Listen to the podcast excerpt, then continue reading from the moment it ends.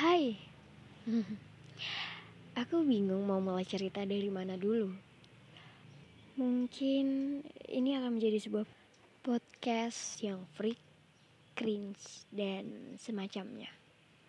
Karena ini pertama kalinya aku buat podcast. Dengan alasan tugas sih sebenarnya. Kata dosenku, isi konten dari podcast ini bisa cerita apa aja. Yang intinya bisa share pengalaman untuk didengar. Tapi aku juga nggak tahu kenapa aku mau milih cerita ini. Padahal ada banyak cerita di hidupku. Ya mungkin semua orang juga begitu.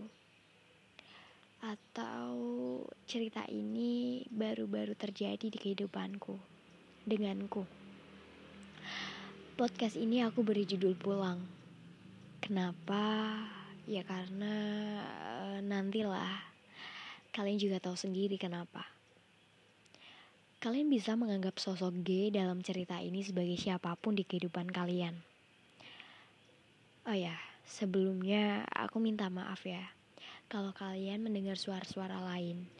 Uh, maksudku berisik. ya udah, langsung saja ke ceritanya. Aku mau tanya, kalian pernah nggak memendam rasa rindu sedalam mungkin sama seseorang, entah siapa pun itu? Pernah kan? Ya, itu yang aku rasakan sampai sekarang, sampai saat ini. Sudah satu purnama lebih aku tidak bertemu dengannya. Dengan G maksudku. Hanya berkabar via ponsel itu pun jarang kita lakukan. Walaupun sebenarnya ketemu pun kita banyak diamnya. Setidaknya aku melihat dia. Aku memastikan bahwa dia aman di sini. Memastikan bahwa dia benar-benar baik-baik saja di sini. Di rumah. Jadi begini. Malam itu um, aku tidak terlalu ingat kapan dan jam berapa Maaf ya, intinya aku sudah tertidur lelap, nyenyak, dan bermimpi indah. Tiba-tiba sekali ada yang memanggilku dengan kata Han berkali-kali. Aku terbangun.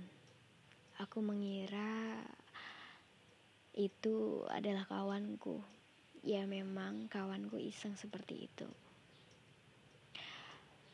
Waktu aku menemui dengan wajah kesal dan mata yang masih mengantuk, ternyata segerombolan itu bukan kawanku. Iya, mereka jumlahnya banyak. Aku nggak tahu mereka siapa. Aku tidak mengenalnya. Satu pun tidak. Mereka mencariku untuk menanyakan kamu, G. Ternyata yang mencarimu tidak hanya aku, tapi juga mereka. Lucu bukan? Mereka memintaku untuk mendekat, mendengarkan cerita mereka, atau omong kosong mereka. Aku tidak mau. Aku takut jumlah mereka terlalu banyak. Mereka asing dan aku sendiri. Tapi kamu tahu tidak, Ge? Mereka memaksa. Katanya penting tentang kamu. Karena itu aku menjadi lulu dan mau. Ya, masih dengan rasa takutku. Kali ini aku berusaha berani, walaupun sebenarnya itu bohong. Aku tidak sendiri. Ditemani kawanku ke sana. Aku mendengar cerita-ceritanya. Benar atau salah? Iya atau tidak? G, aku bingung. Aku takut Mereka membawa kabar yang tidak ingin aku dengar, sama sekali tidak. G, aku mau kamu di waktu itu juga. Tapi nyatanya kamu tidak ada di sana. Bagaimana tidak, G? Lama kita tidak bertemu, lalu aku harus mendengar memikul berita seperti ini sendiri, G. Payah kamu mengulang kembali. Tidak, aku tidak bermaksud begitu, menyalahkanmu. Tapi sudahlah. Tahu tidak, aku membuat perjanjian kepada mereka, G. Tapi itu alibi.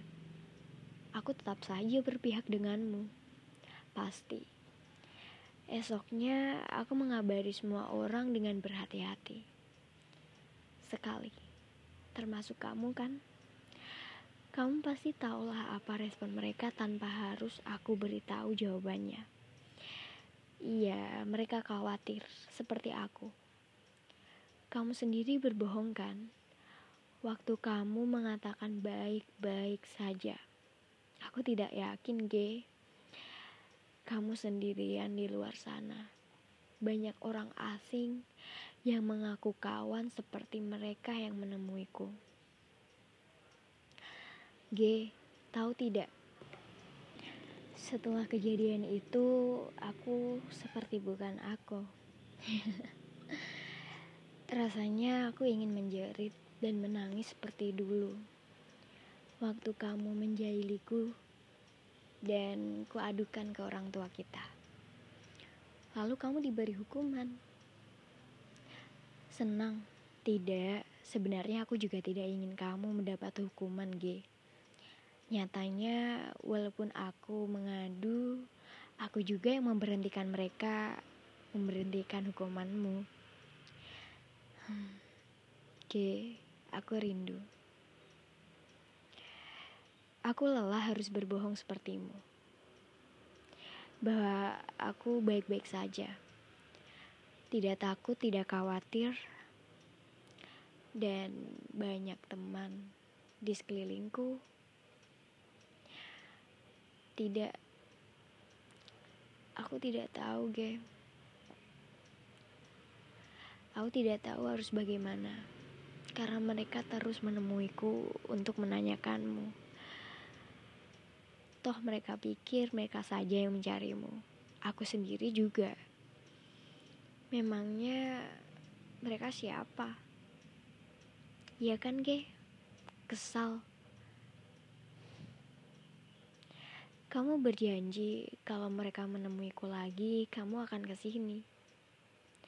Aku senang kamu menempati janji. Tapi aku rasa kamu tetap jahat. Maaf, ke.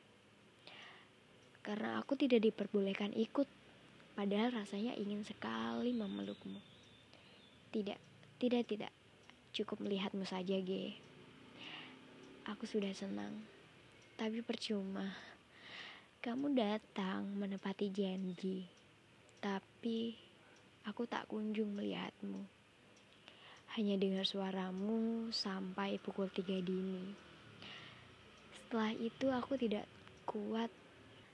Uh, maksudku bukan aku, tapi mataku terlelap begitu saja. Maaf ya, Ge. Tahu-tahu paginya kamu sudah menghilang tanpa mengabari bersama mereka. Aku takut kamu disentuh mereka. Walaupun aku tahu kamu sudah besar, G, tapi aku tetap saja takut akan terjadi sesuatu denganmu. Aku dihantam pikiran negatif terus-menerus setelah kejadian-kejadian itu. Mungkin sampai sekarang, sampai aku bertemu kamu. Itulah obatnya ge.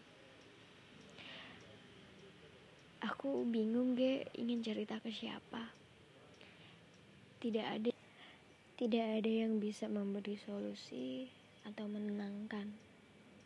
Mereka yang kuceritakan hanya mendengar justru malah mereka ikut ketakutan seperti ku ge